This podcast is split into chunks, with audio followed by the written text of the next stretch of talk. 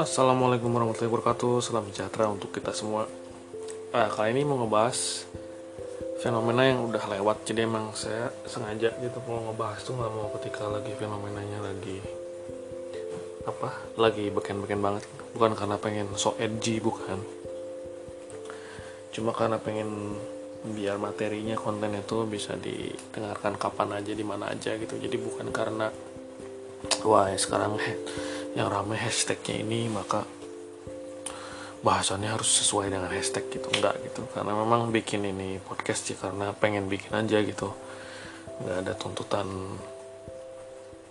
apa tuntutan dari sponsor atau tuntutan harus sama dengan yang lain gitu. Walaupun sebenarnya saya pengen pengen juga sih ada tamu lain gitu yang bisa membicarakan sebuah tema yang menarik tapi ya belum sempat aja gitu. Dan kenapa bikin sekarang ya? Karena ingatnya sekarang gitu. Jadi tema kali ini adalah mengenai glorifikasi deep talk. Apakah deep talk itu? Ya biasalah. Kalau di media sosial itu suka ada orang-orang yang senang membesar-besarkan. Misalnya wah kalau ngobrol tuh jangan yang basi-basi aja gitu. Ngobrol tuh harus yang berbobot gitu misalnya membicarakan kebijakan fiskal negara Uganda tahun 1975 gitu ya atau misalnya membicarakan mengenai emisi karbon, membicarakan mengenai uh, sejarah Polandia abad 19 gitu kan. Hal-hal adiluhung, adiguna. Hal-hal canggih, hal-hal luar biasa gitu yang lebih dari sekedar basa-basi busuk sehari-hari yang menurut para pengagum deep talk ini adalah ini tuh penting tahu gitu. Daripada cuma nanyain udah makan apa belum? Daripada cuma nanyain udah sampai rumah apa belum? Daripada cuma nanyain cuaca daripada cuma ngobrolin gosip-gosip artis atau gosip-gosip uh, pelakor di media sosial gitu. Sepintas sih kayaknya masuk akal gitu ya. Cuma kan ini kayak terlalu mengagung-agungkan gitu karena memang ujung-ujungnya bukan uh, obrolan yang berbobot itu adalah obrolan yang membicarakan mengenai filsafatnya Heidegger versus Immanuel Kant gitu. Enggak gitu. Kalau orang baru kenal gitu baru katakanlah penjajakan dalam pertemanan atau pacaran gitu nggak ada yang tiba-tiba langsung nanya kebijakan fiskal di Taiwan tahun 1995 tuh nggak ada itu aneh nggak masuk akal gitu. Jadi memang harus lihat waktu lokasi dan konteks gitu. Karena memang untuk memahami deep talk itu nggak bisa secara verbatim ya nggak bisa secara kalau kalimatnya begini tuh udah jelas gitu. Jangan terlalu simplistik gitu. Memahami deep talk itu secara konteks. Dan menikmatinya juga secara konteks itu nggak bisa kamu tiba-tiba baru kenal sama teman kamu baru dua minggu terus ngobrolin 10 jam mengenai Immanuel Kant gitu. Jadinya aneh gitu kalau ternyata satu pihak tuh masih belum merasa nyaman. Nah ini kembali ke pihak ke elemen kedua yaitu merasa nyaman. Jadi intinya adalah orang yang kamu ajak ngobrol deep talk itu orang yang kamu seret-seret agar dia berbicara hal yang luar biasa itu nyaman gak sih sebenarnya gitu kalau ternyata dia nggak nyaman ya percuma gitu. Walaupun kamu menguasai materi itu luar dalam gitu. Karena balik lagi itu kalau orang udah nyaman sama kamu saling nyaman satu sama lain untuk berkomunikasi untuk berteman atau berpacaran apa pun itu dia udah nggak peduli dengan tema obrolan itu harus yang ringan berat atau yang 700 kg gitu.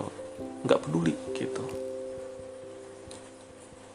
jadi menurut saya hentikanlah glorifikasi deep talk ini sebab ini hanyalah sekedar alat-alat untuk poster gitu untuk orang malah jatuhnya jadi apa kalau bahasa Inggrisnya mansplaining gitu.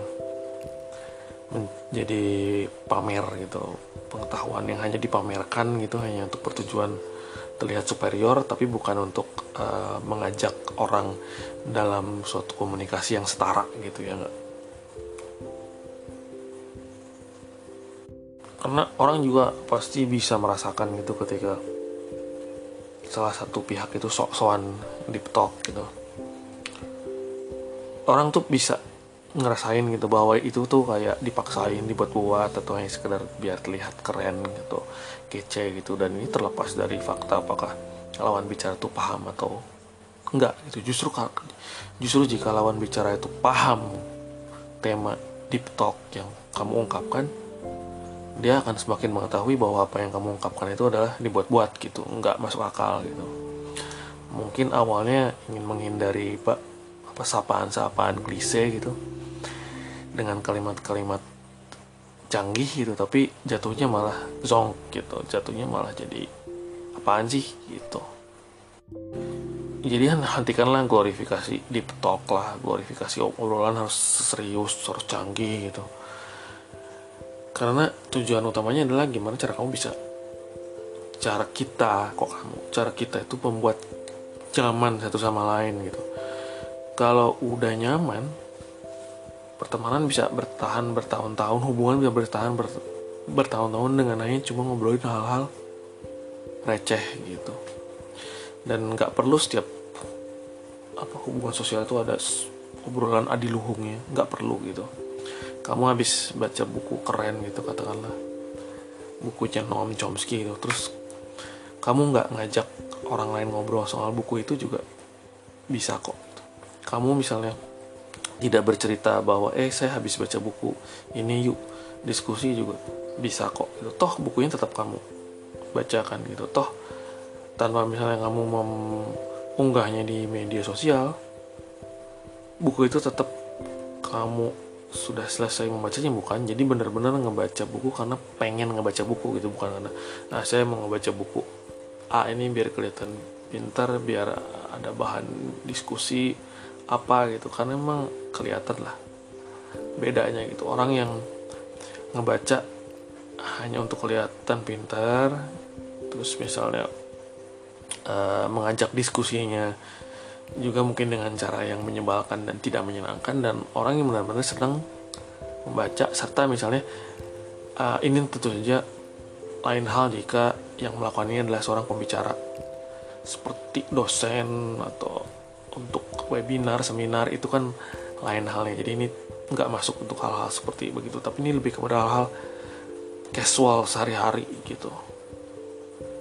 Dan bagi yang menguasai tema-tema deep talk ini juga nggak usah bangga gitu ketika kamu bisa menjelaskan satu topik gitu terhadap lawan bicara gitu. Walaupun lawan bicara itu diam gitu bukan berarti dia menikmati ya. Bukan berarti dia senang bisa bisa jadi dia tuh